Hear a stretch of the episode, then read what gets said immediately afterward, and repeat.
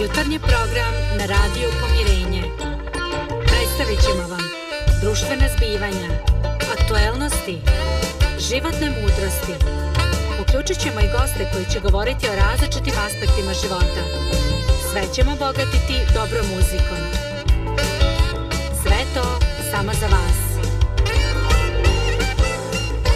Jutarnji program.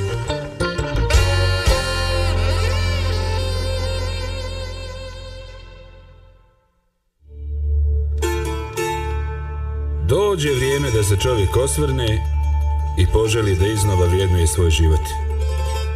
Pratite emisiju sa komšijom zdravkom.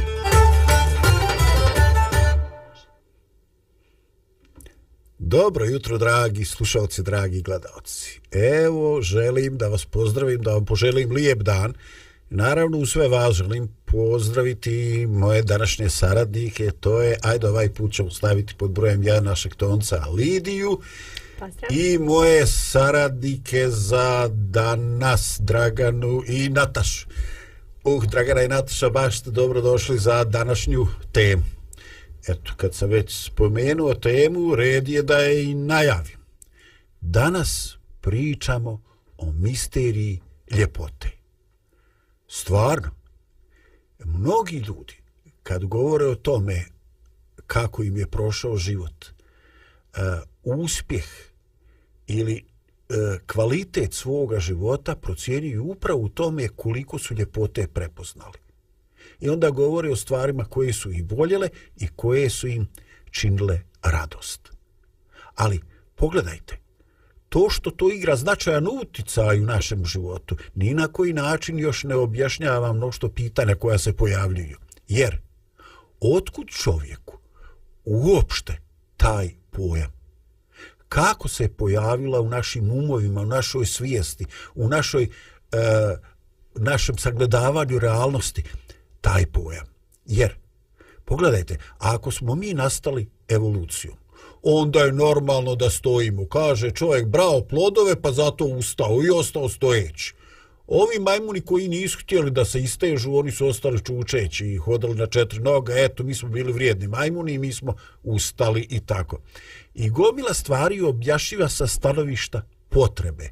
Jeli, imao si potrebu za nečim i onda se razvijali ta osjetila, ti senzori, ti organi i tako. Anatomija se prilagođavala. Ali, kako u tu priču ugurati priču o ljepoti? Šta se desilo?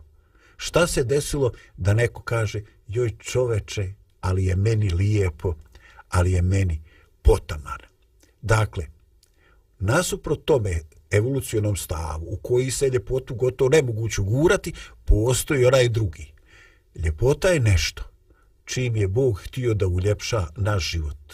Šta god da se to podrazumijeva i na koju god aspekt života da se to odnosi. Jer definitivno ljepotu nalazimo svugdje. E, koleginice, šta su vaše prve asocijacije kad se, ajde iskreno sada, kad se kaže riječ ljepota ili doživljaj ljepote? Meni se prvo javlja slika prirode, onako plavo nebo, livada pune nekog šarenog cvijeća, predivno, predivno nešto, drveće i šta znam, wow. to me asocira. E onda pomislim na tu unutrašnju ljepotu i Mm -hmm. I tu zastaje se, nema više. pa ne znam, ja mislim da mi svi lepo volimo. I ovaj, posebno, meni je zanimljivo, je, ti si krenula od prirode, meni je prvo na pamet pala lepa žena. Zato što smo nekako svi privučeni tom lepotom ljudi. I a, ti si ovaj, sad postoje različite lepote, ti si sad tu malo dotakao i na spoljašnju i na pa, unutrašnju, vidim da ćemo se razvijeti. Nešto ćemo pričati danas. I u jednom, čini mi se i jednom i drugom pravcu, ali neminomno nas nešto vuče ka lijepom. Svi volimo da vidimo nešto lijepo. Ti si pomenuo evoluciju. Evolucija je sva o, u funkcionalnosti. Zašto? Bro. Nešto je funkcionalno, nešto je potrebno radi nečega. Niko ne pominje estetiku, niko, ljepota je totalno da, nebitna. Da. Praktičnost. A kada pogledamo sve to oko sebe, ovo što si ti, Dragana, rekla, svet je prelijep. Pun ljepote. Yes. Bravo. pun ljepote, znači i cvijeće, i prirode, i nebo, i sklad boja, da. i ništa što neko reče prošli put nije kockasto, već svako, da. sve je tako jedinstveno, tako da. originalno. Oprosti, Nataš, e, vidi, o, i, sjedio sam u nekom društvu, ova, znaš, starija generacija, 50+, plus, i ja kažem, ljudi, znate šta je sljedeći ovaj, e, skok na, e, na ovoj ljesticama evolucije? Kaže, ono, šta, otkud to tebi? Pa kad sam vidio ovu mlađariju kako radi sa palčevima na mobilnim, znaš, ja jednom rukom držim mobilni i nabadam, razumiješ, ne mogu ja drugačije kad mi je prst ko ćavap. Ali kad gledam mlade kako rade palcima, čoveč, i to, ajde što rade palčevima, negi ove neke cure koje imaju nokta još cantipo, one uopšte nemaju problema, one i dalje je to, znaš kako brzo. I rekao, znaš šta, sad će na evoluciji ljudi imaju palac duplo duži, znaš da mogu dohvatiti na tabletu i na većem telefonu sa većim displejem. Ovo, naravno da se ja šalim, da se sprdam, ali je nevjerovatno koliko sam ja, eto tako, koliko ja ne znam, ja znači ubadam s jednim prstom, a gledam u autobusu kako to mlađari radi, to je fantastično. To se već nešto dešava očito. Ali ja sam tebe, ja sam tebe prekinuo jer si ti naglasila nešto što je fantastično. Evolucija je svašta u prvenstveno u smislu funkcionalnosti. Nešto je za, nastalo zato što je trebalo. Što ti je, a što je trebalo ljepota? Baš tako. I sad si me podsjetio to je tvoje priči kad su rekli da je evolucija tačna, majke bi dosad već imale deset ruku. Ali nemaju što znači. Pa ljepota je isto praktična, znači za ljepota za mene po nekoj definiciji a, nije ono nešto što je Bog htio da uljepša. Šta, šta si ono ti rekao, uljepša? Funkcionalnost, da. Ali, ali, ali jednostavno ljepota je funkcionalna i praktična zato što ona psihički djeluje na našu psihu zapravo. Ona je zdrava, ona je korisna i zato ona postoji, zato je Bog dao Odlično. Evo, čim smo kreli, već smo zagrizli. Vidimo dobro, se. dobro. Joj, Lidija, daj malo nam predaha, počinje, počinje situacija biti užarena. Ko bi rekao da je ovako tema, da je ovako inspirativna?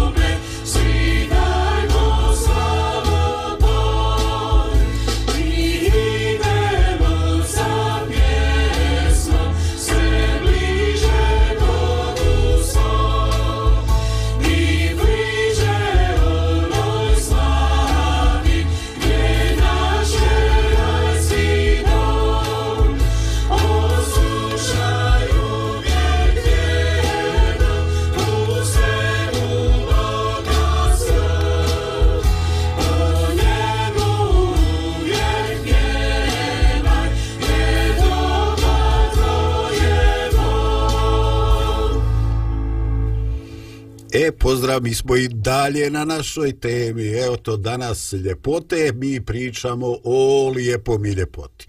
Samo je to lijepo. Eto, ono što opažamo kad počnemo razmišljati o ovoj temi, a to je da se kriterijumi ljepote vremenom kad se mijenjaju generacije, pogotovo kad prolaze vijekovi, da se kriterijumi ljepote mijenjaju. Pa tako, da je kriterijum poželjne e, ljepote ovaj kod e, nas ljudi e, posve bio drugačiji prije možda 50 ili više godina u vrijeme naših djedova nego što je to sada. Pa čak i danas kad gledamo u identično vrijeme posmatramo nije e, identičan ideal ljepote. Dakle, e, Lijepo je nešto za čim će se okrenuti muškarac i žena, to ne mora pretpostavljati nikakva loše e, ciljeve ili te osjećanja, ali ljepota nas jednostavno privlači. Dakle, čak i u istom vremenu, e, ljepota i poželjnu ljepotu će drugačije e, definisati ljudi koji žive u velikim urbanim sredinama i ljudi koji su životno povezani sa nekim ruralnim sredinama, pogotovo ljudi koji žive u nekim tamo planinskim lancima gdje život donosi nove izazove, nove mogućnosti i tako. Ali to bih htio da čujem e, vaš dojam. Dakle, e, da li u sjećane možete prizvati neku situaciju u kojoj prepoznajete tu promjenu kriterija lijepoga? Bilo da je to zbog toga što ste pričali sa svojom mamom, ocem, bakom, djedom, bilo da ste čitali nešto ovaj ili gledali izbor ljepotice za mis Jugoslavije Evrope i gledali koliko se te uh, mis, ta uh, misica i prva, druga pratilja koliko se to promijenilo u nekih 30, 40, 50 godina. I kakva su vaše osjećanja? Da li vam je smiješno? Da li ste začuđeni kad uh, prepoznate takve stvari? Kako to jednostavno objašnjavate? A, pa gde me nađe? Zdravko stvarno ovo, ovo pitanje je jako dobro. Hoćeš primere? Dobro. Da, ove, živo, živo, meni je život. pominuo si urbano i, o, I, ruralno. i ruralno jeste. Zato o, sad ne znam da li su stavovi moje mame bili ruralni ili urbani ali kad sam ja odrastala moja mama je govorila ovo je bio za nju simbol lepote. Uska ramena. A ja se gledam ogledalo a ja široka ramena. Sitni zubi a ja krupne zube imam. Sitna usta, a ja ogromna. I meni je to, znači ja se sećam tih standarda lepote. Ovaj, neverovatno je koliko su tada, znači sve što je tako sitno, nježno, krhko, čini mi se da je bilo u prvom planu, ali s, srećom po mene, ovaj, neke stvari se su se vremenom promenile. I onda kako sam odrastala, gledala sam ove žene koje imaju veliko usta i kažem, a dobro ima nas još. Tako da ja lično na svojoj koži osjetila zdravko. E, ovaj, e, e, izvini, Dragana, ovaj, ima, ima jedna ovaj anegdota upravo povezana s tim što si ti Nataša rekla o nekad o tome kako se nekad smatrao lijepim da žena ima mala usta. I onda je fotografisanje nije bilo nešto ono nosiš mobilni napraviš 36 ovaj, ili 56 fotografija i šta te brika. Nekad su ljudi čak kad imaju sobstveni fotoaparat imali 36 snimaka dva upropaste dok vade i stavljaju film ostane 34 od 34 10 upropaste zato što nemaju lux metar ili nešto što će im izmjeriti dobru udaljenost fokus i pitanje šta će od toga uspjeti. To znaš tek kad se film izradi. I onda je samo fotografisanje bio rijedak i delikatan doživljaj. I svi se sjećate onih fotografija gdje ovaj domaći kuće sjedi na stolici, ovaj, e, kod crnogoraca bila je možda i puška ili sablja na koljenu, a žena ili djeca obično stoje ovaj pored i da bi ukrasili situaciju drži saksiju cvijeća. A gledao sam i fotografije gdje se e, porodica čitava snima sa svojom kravom. Jer, Bože moj, gdje ljepše ljepote, vidi kako je krava lijepa, kako je uhranjena. To je hraniteljka porodice. Čovače, to njima kompletira slik sreće i blagostane. Eto, te se stvari promijenile. E, iz tog vremena kad je bio poseban događaj i fotografisanje, e, trebalo je to dakle da na fotografiji se zabilježe ta mala usta, znači ništa ono, kako se kaže, pumpanje usta, ništa pućenje. I onda fotograf kaže, e, e gospođe, žene, kad ja kažem da ću slikati, recite ulje, ulje. Da, da. I taman se on dogovori, a jedna od njih, zejten. Eto, toliko. Ali sad si me podsjetio, ok, to je, to je sad pitanje vrednovanja. Ljudi su vrednovali tu kravu i želi su da je ovaj, ove koveče, a mi imamo ljubimce, pa i mi to isto radimo na neki način. Stavljamo u sliku ono što nam je jako vredno i dragocjeno. Ali je zanimljivo da, da kada si već pomenuo slikanje, da se nekada bilo lijepo ako se svi fino poredaju, budu ozbiljni, dostojanstveni slika, ali izgleda da se to sada i vraća.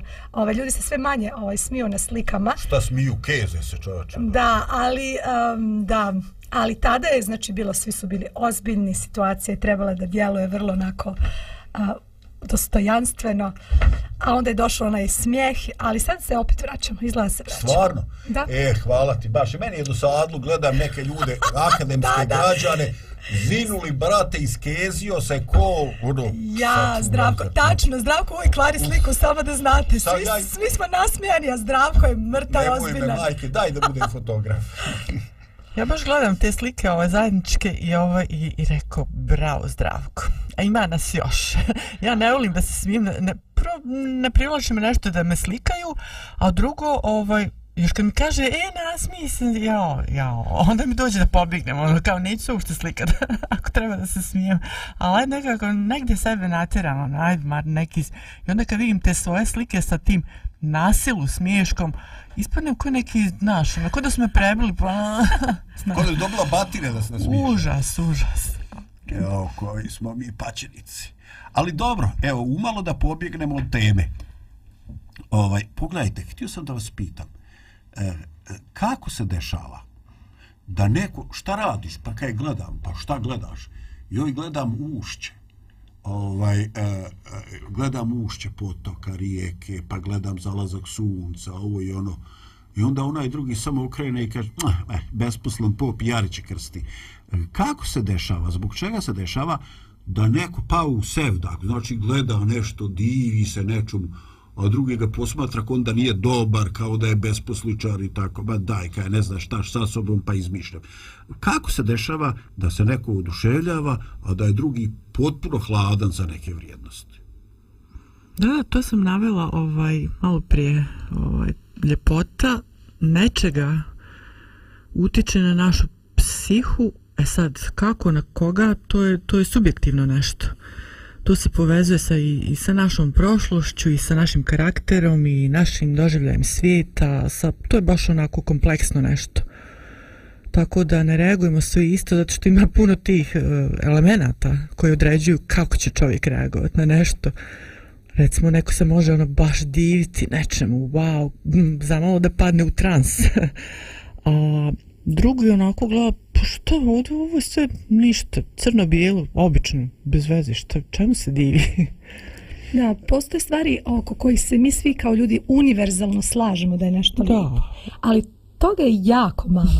Znači, mi smo toliko jedinstveni i zanimljivo da nas je Bog tako stvorio da smo jedinstveni. Neki su više pragmatični, ne, ne bave se tom nekom estetikom previše, a nekima je to jako važno. Meni je jako važno kako mi je ovaj, uređena kuća, zato što to, ovo što kaže Dragana, utiče na moju psihu, na ono kako se ja osjećam, kako živim, utiče mi na kvalitet života.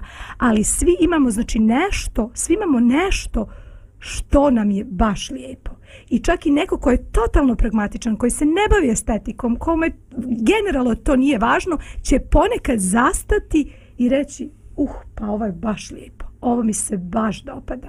Jednostavno, svi imamo to nešto. Ja mislim da, da i da kada je Bog stvorio svet, prosto e, nije ga u potpunosti završio. On ga je stvorio, sve je bilo jako lijepo, sve je bilo jako dobro, onda je rekao, evo, uzmite to, radite i prosto nam je ostavio na, na Prostor. našu na prostora, kreativnost da mi sad nešto uradimo sa tim prema našem ukusu, prema našim željama, prema, prema on, nečemu, pre, onako kako mi smatramo da je najljepše. da izraziš sebe na, na neki način. Da. Recimo, sad si me podsjetila ono, kad neko uđe u moju kuću, ovaj, mislim, ne pita to svako, ali par osoba je bilo ono, znaš, e, a što si ovo stavila ovde? Ja, a fino je to, znaš, ali ja bi to drugačije. Pa, a ovo u jednoj posjeti, znači, neko ko pita, a što si ovo, a, a što? Pa zato što sam to ja uradila, nisi ti ili neko drugi, nego ja. Za svoj prostor. Yes. Da. O, evo sad ću da vam otkrijem jednu porodičnu tajnu. Ovaj došla moja punica i ovaj e, pošto je od starih vremena ostalo kao neko nasleđe, ovaj ona e, četiri goblera, četiri godišnje doba, ovaj su to Vilerovi Mm. O, gobleri. da, gobleri, Stara bravo. stvar, Bravo. je ono. I ja sam našao jedan ćošak tamo gde sam ja to ovaj poredao u nekom nepravilnom nizu. Znači, e, prva je gore, druga je desno dole, pa onda opet nešto niže i tako. Znači, nema ni po horizontalni, ni po vertikalni nikakvog redanja. I dolazi ovaj, moja punica i pita suprugu, a ko je ovo ovako složio slike? I onda supruga, ono, pošto je već onako je to išlo na živce, kaže, pa zdravko je to po svom. a onda će pus, aha, zdravko je složio, dobro, znači nema neše. Da je bila čerka, onda bi tu bio razgovor. A pošto je zet tu, onda nema smisla, onda to znači njegov neki estetski pristup i tako. Nego, e, Nataša, sjetio sam se, ovaj, e, ja, ja definitivno nisam di, dizajner. Ja samo odgovaram dušom na ono što vidim da je lijepo. E, e sad sam se sjetio da sam ja makar dva ili tri puta pitao te za porijeklo nekih biljaka koja se ti stavila u ovom eksterijeru e, tamo kod tvog stana ili ovde ili odmaralištu ili tako. Ovaj znači e, baš neke biljke nove za mene čak koji poznajem ljude e, koji su kolekcionari biljaka kaktusar moj niđa moj prijatelj srca i tako. Dakle ima puno ti stvari gdje se čovjek iznenadi e dokle to ide šta se tu sve može naći no Sljedeće pitanje će se uh, baviti upravo onim što ste, pos, e, što ste spomenuli kao neki univerzalni kriterijum.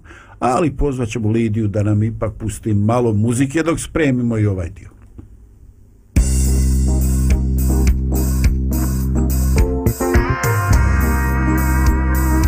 Radio Pomirenje.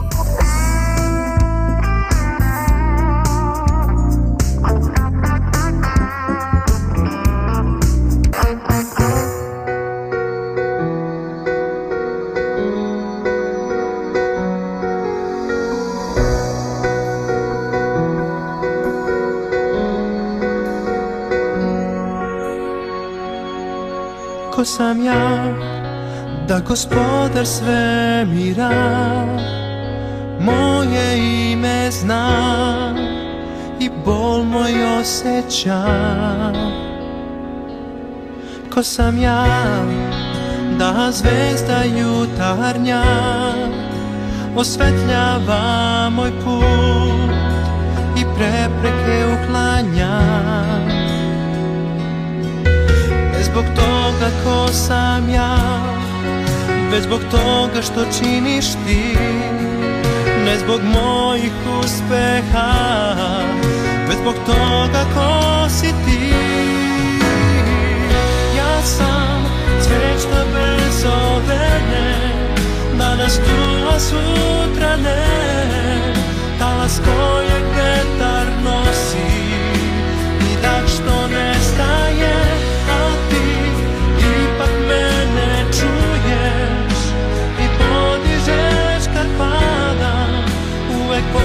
podsjećaš me ko sam Da sam tvoj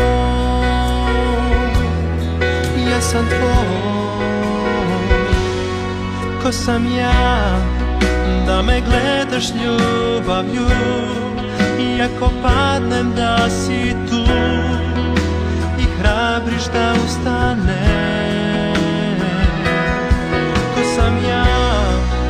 Što mora smiruješ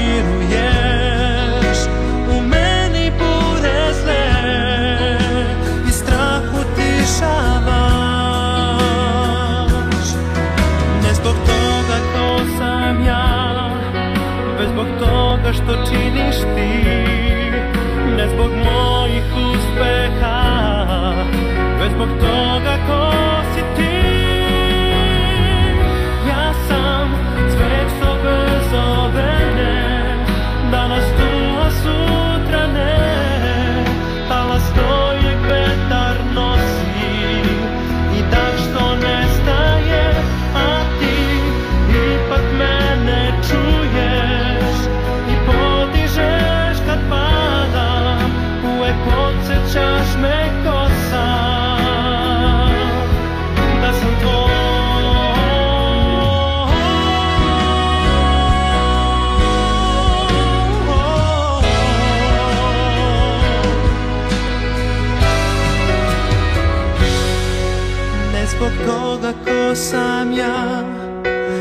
zbog toga što činiš ti Ne zbog mojih uspeha Već zbog toga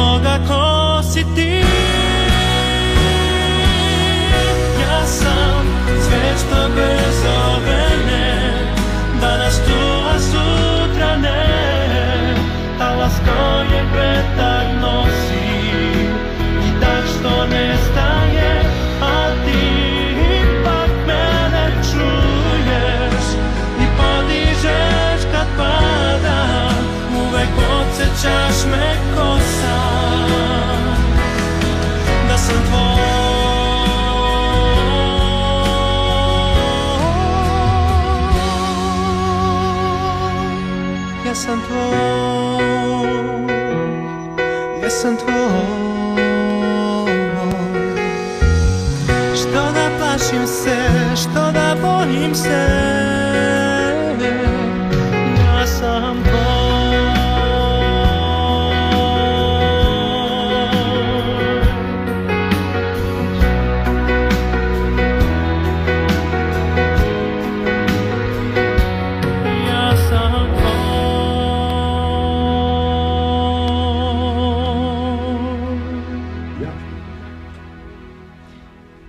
Pozdrav, nastavljamo sa našom temom, ali sad je tren za neke dobre, interesantne vijesti. I dok se mi ovdje raspravljamo i smijemo šta je aktuelno i šta je dobra vijest, eto, ženski predstavnik naše ekipe, naša Nataša ima vijesti, a ja kao pravi outsider po pitanju sporta, nemojte narode da se to čuje daleko, ja nemam pojma.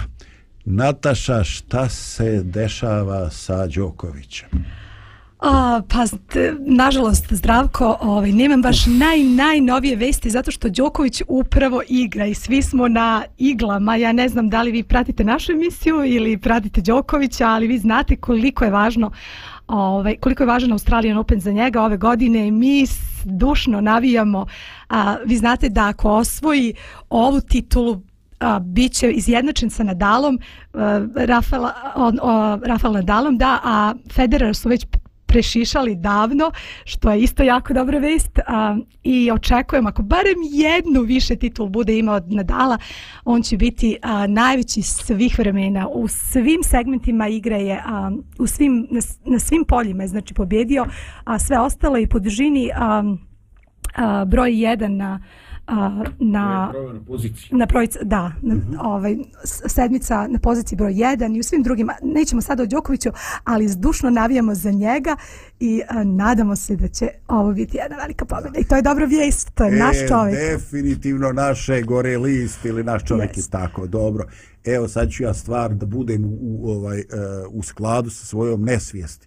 I, ovaj, I upravo ću vam reći dok je išla pjesma, vi niste čuli šta je bilo na mikrofonima, ja sam nešto rekao, ljudi šta je dobra vijest, ima neka moja iz moje privatnosti jedna dobra vijest. Evo, ja svake godine s nestrpljenjem čekam kako će da mi uspije kiseline kupusa. I evo ove godine sam odlučio da ovaj, uradim po receptu naših baka i djedova i stavio sam na bure česmu i ja sam pretakao svoj kupus. Ono, znate, dole ispuštaš rasol pa sipaš gore. I uradio sam to makar jedno desetak puta. Ljudi da vam se pohvalim. Kupu se lijepo ukselio, a i dalje nije mekan. Ršće se. To je ljepota jedna. I dok ljudi razmišljaju o velikim stvarima, ja se radujem, super se kupus ukiselio ove godine. Nije to tako beznačajno šta god vi mislili o tome. No dobro, dok se vi smijete i kažete, evo, žena sportista, muškarac koji nema veze o sportu, ali zato je stručnjak za ukiseliti kupus, mi nastavljamo s našom temom o ljepoti. Da, mnogi ljudi su postavili pitanje koje je već rečeno, a to je, e, ako se slažemo da je ljepota nešto što je jako individualno, jako zavisi od percepcije onoga ko gleda, ko je uočava tu ljepotu, ima li on izraženu senzibilnost, davno su ljudi postavili pitanje, postoji nešto što se na neki način predstavlja neki univerzalni kriterij, neko oko čega se sva, slažu svi ili najveći broj ljudi. I naravno, odgovor na ovo nalazimo u matematici, fizici, arhitekturi, u tim e, srodnim istraživanjima i vi znam da ste većina vas e, upoznali pojam e, zlatni presjek ili božanski presjek. Dakle, on se tiče određenih proporcija. Dakle, e, malo je komplikovano kad kaže da odnos između manjeg i većega dijela nečega treba biti kao odnos većega izbira.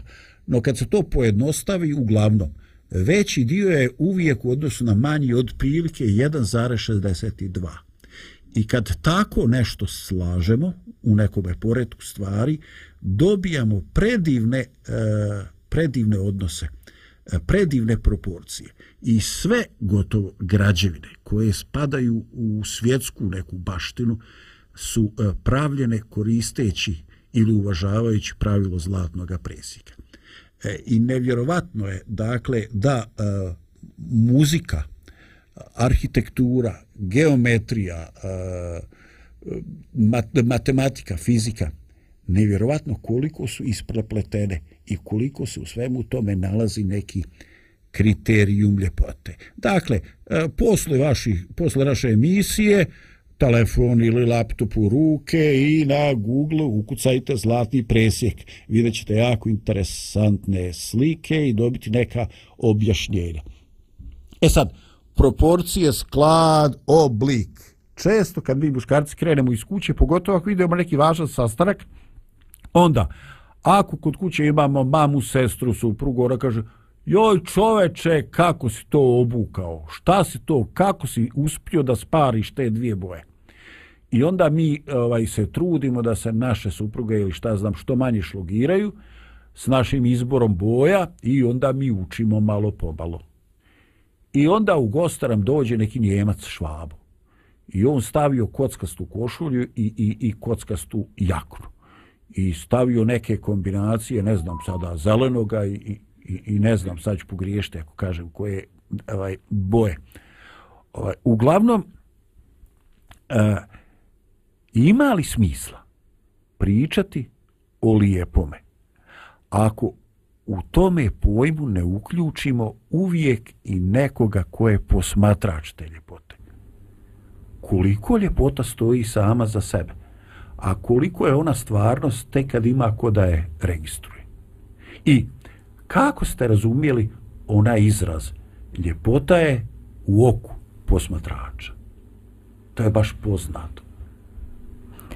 Pa to je jako dobro pitanje, ovaj zdravko, zato što nekako imamo te neke standarde ljepote, standarde ljepote koji su često nametnuti. E, recimo, ne znam, dugo je bio taj standard, ne znam, 90, 60, 90, govorim sad opet mm -hmm. o ženskom tijelu. A, znate li koje, to je jako, jako tanko, jako usko i većina žena ne može da se uklopi taj standard. I onda postavljate, ali sa druge strane, i mnogi ljudi se ljudi kažu pa čekaj to je, meni čak to i nije lijepo. Meni bi bilo ljepše ne znam 99 sa 66 sa 30 o 60 ne znam 96 ili sad ovaj tako nabacujem brojeve. Znači uvek je znači prisutan taj lični a, moment i to je jako dobro. To je u stvari dobra vijest. Zato što a, za svakoga ima nešto lijepo i svi smo lijepi, svi imamo potrebu. Ja se opet vraćam uvijek na ljude. Ovaj ti si počeo sa građanima, Naravno. građanama, a, građevinama savršenim. Ali ja se opet vraćam na ljude. Prelepo u tome što je svako svako lijep na svoj način i za svakoga ima neko ko ćete reći, za koga ćete reći jao kako je lijep. Ja čak imam i teoriju da ne postoje ružni ljudi postoji samo nevoljeni, ali to je neka druga tema, možda ćemo neki drugi put pričati o tome, mm. ali svačija lepota je privlačna nekome i to je po meni fantastično. Bravo. Bravo. Dragana, imaš da, da, da. reakciju, ovaj, e, evo, ona mm, očito ja sam, ja sam razvija ono što sam ja zamislio. Oko tog pitanja, ovaj, ko je odredio standarde, znači ti se već mm. odgovorio, znači u pitanju nije evolucija ili nešto tako, znači trebao je neki mozak, i to veliki, veliki, duboki mozak da odredi tako nešto standarde ljepote. Sad, ko može da ocjenjuje ljepotu? Da li, da li je svaki čovjek, ok, mi imamo slobodu da radimo razne stvari, ali da li mi stvarno možemo onako realno da ocjenimo šta je lijepo, a šta nije? Ti si postavio tu pitanje, znači, da. kako, kako, ljepota sama za sebe, i, i, i posmatrač te ljepote. To je baš onako kompleksno nešto. Da. Rekao bi da, to, da je to uh, bezpredmetan razgovor, uh, dakle da ta ljepota kao samostojeća, da je to jako upitno. Ovaj, da pravi smisao se upravo to dobija kad se ovaj uz uh, ljepotu, uh, kad se ona poveže usko sa onim koje percipira s posmatraču. Dakle, ne znam, ne znam, ušto možemo li govoriti da ljepota postoji bez nekoga ko će registrovati. Dakle, da. uvijek je to potreba za nekim povezivanjem, za nekom e, međusobnom reakcijom i tako. No, ovaj, ja, na, e, ja ovako bezuspješno pokušavam da odgodim, e, e pokušavam univerzo pričati o ljepoti, a Nataša kao normalno predstavnik ženske populacije, ona ide odma u centar na ljudsku ljepotu. Eto, i u mom planu je došlo vrijeme za to. Evo sad konkretno pitanje. Ljudi koji su lijepi, koji imaju pravilne crte lica, koji su mladi, a mladost je uvijek lijepa, pa čak mm. i kad crte lica nisu savršene. Ljudi koji su zgodni, koji su lijepo obučeni. E, šta mislite, koliko je to prednost za njih? E, koliko to njima na neki način olakšava život? Da li oni imaju veće sam što da prikupe sve one papire kad treba nešto graditi, kad treba podići kredit. Znate, one naš administrativci, hvaliti još jedan papir. E, e, u kojoj mjeri je ta ugodna vanština prednost u obavljanju nekih poslova? Koliko je to prednost na radnom mjestu? Koliko je to nešto što čovjeku e, daje u startu, neku bolju startu, što mu daje bolju startnu poziciju? Ajde, neću reći u startu, pa još startnu poziciju. Je li to realno? Moramo li, ovaj, hoćemo li se mi složiti sa tim? Ili ćemo se pobuniti da to nije pravedno? To je, to je uobičajeno, ali da li je to ispravno? da, uh, po meni, uh, ljepši ljudi, da tako kažem, po ovim nekim univerzalnim standardima mm lepote govorimo, znači svako je lijep na svoj način, ali ljepši ljudi realno lakše prolaze u životu. Mm. Ima nešto u nama što nas čini nekako slabima na nešto lijepo. I onda nekako opraštamo možda mnoge stvari pa samo zato što je neko ili nešto neko je lijep i onda mi ova postoje znači postoje realno postoje realno prednosti. Međutim postoji i ogromna opasnost.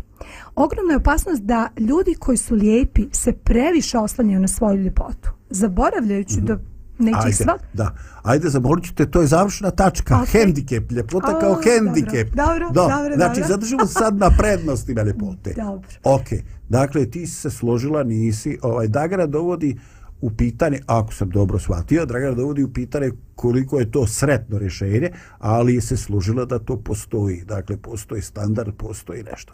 E sada, a, Nataša je to, Nataša ti si to onako baš e, definisala da smo mi tolerantni prema ljudima koji nas guraju u neko bolje raspoloženje. I čim smo bolje raspoloženi, mi smo tolerantni. Jednostavno, mm -hmm. lakše praštamo i bolje ocjenjujemo neke pojave iz, ispred sebe. I, I ne samo to, znači, ne govorimo samo sad o ljepoti prirodnoj ljepoti, nego govorimo o tome kad se neko sredi, kada se neko obuče, kada se neko, onako, mi kažemo, dotera, a ljudi ga drugačije tretiraju. Znači, ako odem u nekoj trenerci, onako pohaba na sve, totalno je drugačije a, tretman u prodavnici nego kada se ja sredim neki kaputić lepi ili a, sredim frizuru ili šta god već. Dobro udata, gospođo, odmah kažu da, da nemoj biti neljubazan. da, znači definitivno je različit tretman. Znači, mnogo puta sam u realnosti da. na svojoj koži. Ok, da, definitivno je tako. E sada, idemo sa nekim izuzecima. Recimo, šta se dešava? Kad susretnemo osobu koja ima nesavršene crte lica ili osoba a, koja je čija figura je daleko od nekog proklamovanog idealnih proporcija ali koja zbog nečega nekoga sjaja, nekoga nastupa, neke vedrine izaziva u nama prijatna osjećanja. Dakle, ne može se reći po tim nekim univerzalnim pravilima u ovome vijeku da je to ovaj da se, da se pred nama radi ljepo, stoji ljepotica ili ljepotar. Ili da neko ko ima atletsku građu ili, ili neku građu koja bi bila za neki časopis. Ali ako osoba izaziva prijatna osjećanja, ja jednostavno ne vidim razliku između tog doživljaja i doživljaja ljepote. Šta više, evo, u ovom trenutku sam jedino muško, ako se to u mojim godinama još tako zove, ovaj, i jednostavno uh, konstatovao sam da u životu uh, možemo biti jako hladni prema nečemu što je objektivno lijepo, mm. ali je hladno. I da možemo biti na neki oduševljeni ljudima koji nemaju svu tu neki, neke kriterije lepoti, ali jednostavno zrače. Šta je to što mi kažemo nije lijep, ali ima karizmu? Šta je to? Šta to ima? O čemu se to radi? Pa zdravko, ti si sam rekao, ima harizmu, znači harizma, to je neka unutrašnja ljepota, znači to je nešto s čime čovjek zrači. E, to je neka unutrašnja dobrota, recimo ljudi su još uvek privučeni nekom dobrotom koja zrači. A, to je način ljubaznošću, a, stavom koji osoba, znači mi svi osjećamo kada, kada nam neko prilazi, neko ko je prijazan, neko kada nam prilazi na ljubazan način, prosto ta osoba zrači. Mi to, mi to doživljavamo kao ljepotu, celokupnu ljepotu. Možda fizički nije prven, previše lijepa, ali to što izlazi, to dobro, plemenito, ljubazno, obazrivo što izlazi iz te osobe, to je nešto što što nas prosto obasja. To, Meni se, ovaj, kad, kad vidim neke ljude koji jesu lijepi i stvarno, ono, kad, ako ih ocenjuješ od 1 do 10 ili od 1 do 100, možeš im dati stotku ili šta znam, ocenu koju god, onako realno, ali, ali meni izgledaju, recimo, te osobe vještački, da kažem. Ne moraju biti našminkani, ali, ali nekako mi je neprirodno, e, to je ta riječ, dok kod nekih, recimo, kojih nemaju koji nemaju savršene e, ni crte lica, ni proporcije tijela, ništa, ništa. Znači, ali nešto iz njih izlazi i privlačite i to mi onda djeluje kao nešto prirodno i dobro i, i ljekovito i ne znam nija šta. Bravo, bravo za ovo zadnje.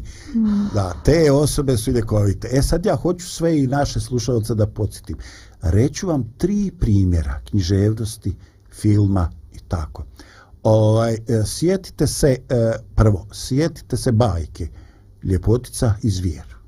Hmm. Sjetite se e, književnog klasika Zvonar Bogorodične crkve u Parizu.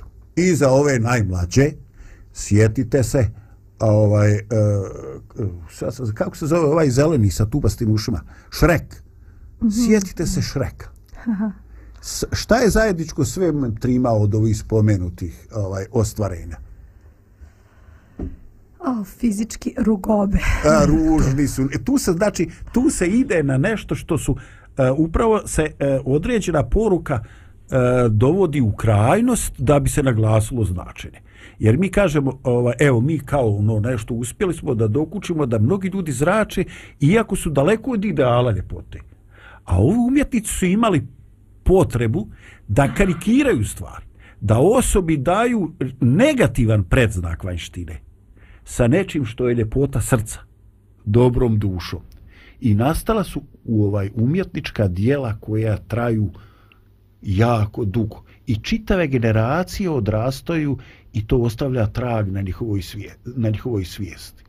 Ovaj, evo, ja sam skoro opet imao priliku ovaj da na preskok malo ovaj e, pošto su moji porodici gledali Šreka ja sam ovaj, ja sam intenzivno osjećao prijatna ovaj osjećanja oni su toliko dobri oni su toliko dobri iako je sve to iskarikirano i daleko od realnosti ali stvarno ovaj e, njihova katastrofalna vanština e, biva u dobroj mjeri pokrivena onim šta su oni e, iznutra što su oni kao bića.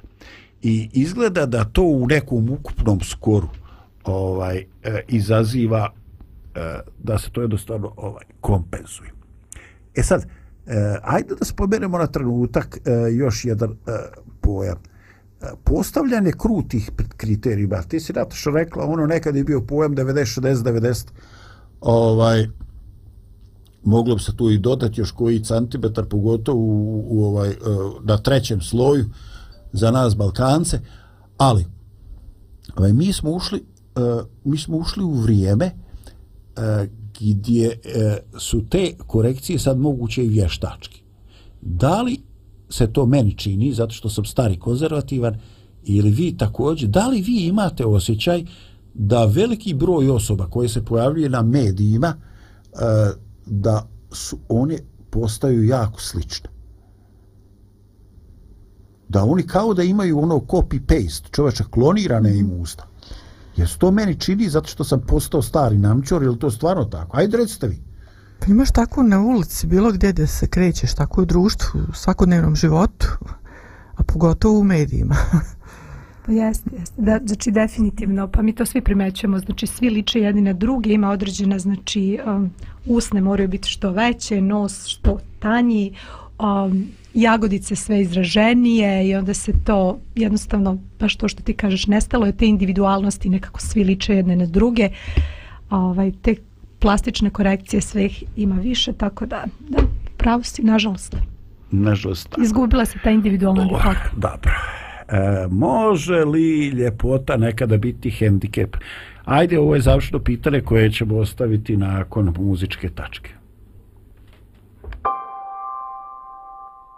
Evo me jednom još Tu kraj tebe blizu Da čuješ, ja znam svaku riječ. Moje molitve Bez obzira koliko daleko sam Ti si vjeran I uvijek Riječima istine nadu mi daš osjećam Dodir tvoj? Koliko te volim Ti najbolje znaš i na tvojim rukama. Na tvojim rukama. Ja čujem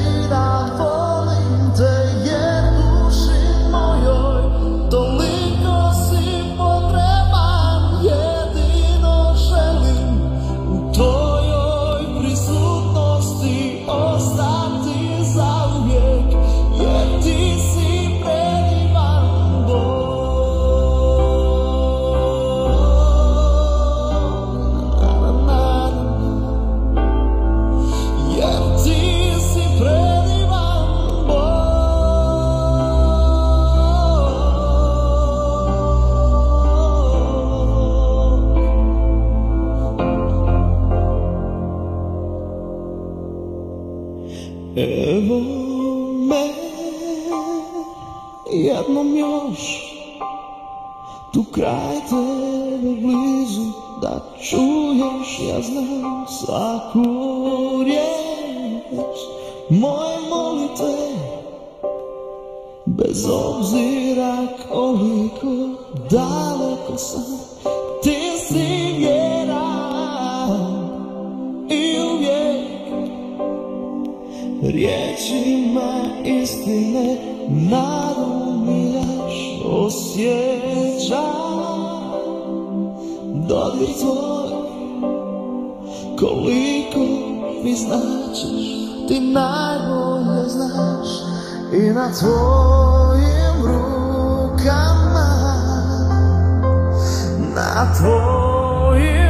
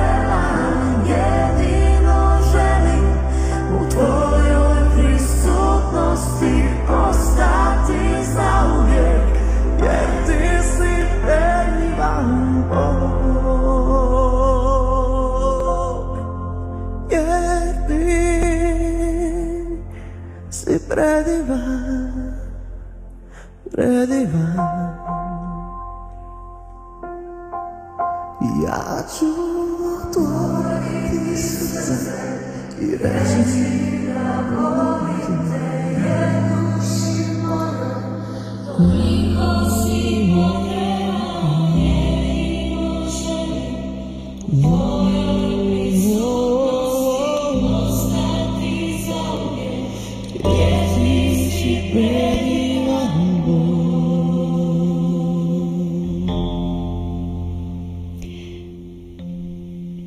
gledalci gledaoci i slušalci Radio Pomirenje. želim da vas pozdravim e, ovoga dana. E, hoću da vas podsjetim na nešto lepo što će se desiti sutra u sutrašnjem e, danu. Ako živite u Banja Luci ili u okolini Banja Luke, želim da vam preporučim da um, posjetite muzičko-poetsko veče koje... Um, se inače tradicionalno održava svake godine u e, Hrišćanskoj adventističkoj crkvi. E, ulica je Milana Rakića 11 u 6 sati uveče. Dakle, sad u subotu 28. januara muzičko-poetsko veče. Ako volite dobru muziku duhovnu i dobru duhovnu po poeziju, verujem da će um, ovo veče zaista biti za vas. Tako da još jednom pozivam vas, uh, dođite i verujem da ćete uživati. Zdravko! I dok mi tako pričamo o ljepoti, o tome šta ona dolazi, kakve sve aspekte ima, onda možda će neko doći u iskušenje da kaže nisam ja kriv. Jao tata, jao mama. Pa što me niste rodili da sam lijep, da sam bogat, da sam nasledio Ferrarija, da imam karizmu, da sam svima simpatičan, da sam medijska ličnost, da imam 2 miliona Facebook pregleda ili YouTube i tako mi toga začas nabrajemo kako bi bilo dobro kad bi bilo, ali ne ide, ne biva tako u životu. No, e, stari ljudi su imali sklonost da spomenu slučajeve u kojima su a, mnoge osobe, pogotovo kad se radi o ženskome svijetu, a koje su bile nadarene sa nekom vanserijskom ili nadprosečnom ljepotom, jednostavno nisu to na neki način e, iskoristili u svoju korist. Naprotiv, čak se čini da im je to bilo prokledstvo. Dakle, pitanje ovaj jeste, e, postoji li ta mogućnost i u kojim to životnim okolnostima, u kojim međuljudskim odnosima e, postoji mogućnost da i ono što dobijemo kao dar se okrene protiv, na, protiv nas i našeg života. Naravno, pošto naše vrijeme prolazi, ja bi odmah zavolio ovaj, da kažete e, i ono što možda nismo spomenuli, a smatrate da je bitno i da bi zaokružilo ovu temu. Izvolite. Pa ti si ovaj baš načeo neku ovaj jedno pitanje si ovaj postavio koje mi je baš zanimljivo. Znači da li po, da li da li je prednost ili je mana i u kojoj meri može da bude prednost u kojoj mana. Ja se sećam kad sam ja bila dijete ja sam imala jako lijepu sestru i ona je, ona je bila baš prelijepa i dan danas je prelijepa ovaj a ja sam nekako uvijek bila u sjenci u smislu nisam ovaj um, nisam bila tako lijepa kao ona. I kad bi nas ljudi vidjeli uvijek bi govorili jao što je preljepa moja sestra. Ona je bila kao anđeo. Onda bi pogledali meni i kažu pa i ti si simpatična. I, o, i to je meni ovaj, ostalo nekako ja sam dobila ovaj, sliku da ja nisam uopšte lijepa. I kad sam imala deset godina bila sam jako zabrinuta. A bojala sam se da se neću udati zato što kako ću se jednog dana udati ako sam ružna? I onda sam donela jednu jako, jako važnu odluku, a to je da ću biti jako dobra osoba i da ću ulagati u sebe. Zato što moram da na to nadokradim na drugi način. Kroz, da kompenzujem, znači kroz obrazovanje, kroz rad na sebi, kroz, um, kroz tu neku izgradnju karaktera. I uh, na neki način to je opasnost, čini mi se, ljudi koji su jako lijepi, oni se oslanjaju na svoju ljepotu i misle da im samo to dovoljno prolazi. To mi je kao zeci kornjače, to je kao kada je neko jako pametan i zna da je pametan i onda krene u školi, kreće s prvim razredom, drugim, petim i onda mu sve jako lako ide i misle da će uvek tako lako prolaziti, a kada dođu kasni razredi, stari razredi, od jedan put sad više ne, ne ide baš tako dobro, ne može više da se oslane toliko na tu pamet, već mora da počne da radi. A neko ko je od početka radio, radio, bio vredan, on, on je sebe izgradio. I ja mislim da je to upravo ovaj, nekako moj stav da, bez obzira da si lijep ili ružan, u stvari rekli smo nema ružnih ljudi, ali ili si manje lijep u očima ovih posmatrača, jako je važno koliko ulažeš u sebe. I da je ta ljepota, i u stvari ljepota dolazi iz onog što si ti zapravo, iz onog iznutra. A, a ako si prirodno... Da, da, to može biti znači, teret za, za tu osobu koja može da se može, može da naraste ego ovaj kod nje ili da tako nešto pogrešno počne da da misli o sebi ali meni prvo palo na pamet znači uh, da ljepota može biti teret za osobu koja sebe i ne doživljava tako lijepom, a drugi joj govore da je lijepa, čitav život i šta znam, ali, ali uh, javi se dosta ljubomornih osoba, uh, možda istog pola, uh, i onda to može biti jedan teret, uh, kako one djeluju na nju, a drugo je, znači kako, kako se oni ponašaju prema njoj, a drugo je, znači, zavisi u kojoj okolini živiš, znači neko može da da na neki drugi način, ne znam, kao na balkanskim prostorima, kao što ima, nije samo na Balkan, svuda, znači, e, kako muškarci um, reaguju na neku lijepu ženu, uh, počnu nekako da, da, da, ne da iskazuju komplimente zbog te ljepote, kao što bi nekad i trebalo, nego upravo da je srozavaju na neki drugi način. Uh, i, I onda i to je isto jedna vrsta tereta koju ta osoba ušte nije željela ili nije, ni, ne doživljava pod sebe tako Bravo. da je lijepa. Dakle, nešto što je sigurno, može to biti i teret na osnovu ovoga što sam od vas čuo. Evo, ja ne bi dodao ništa na ovo, nego bi se e, prisjetio onoga što sam čuo od baš starijih osoba, od svojih e, djedova i tako. E, uglavnom, prošlo su se spominjale dvije situacije. Postojale su osobe koje su bile izuzetno lijepe i koje su smatrale da niko nije dovoljan dobar i dovoljno e, atraktivan za njih i koje su se upravo radi sebe i svoga izbora i svojih prevelikih kriterijima ostajale u životu same jer tata i mama su joj rekli niko nije dovoljno dobar za tebe. I drugo, e, taj, taj princip je vremenom postao sve, če, sve rijeđi se dešavao, ali sad je došlo nešto drugo.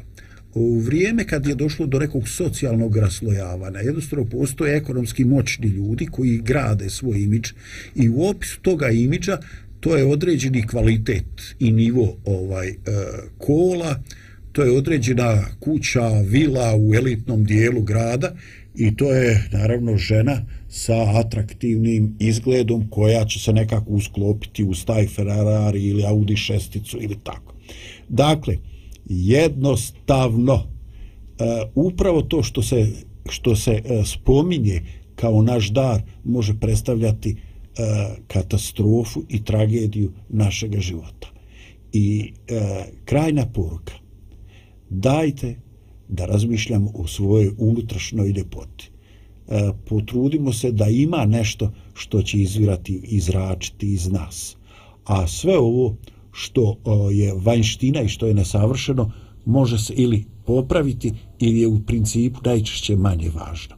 Eto, sa tim mislima želim da vas pozdravim i da vam kažem, nemojte da vas varaju, svi ste lijepi.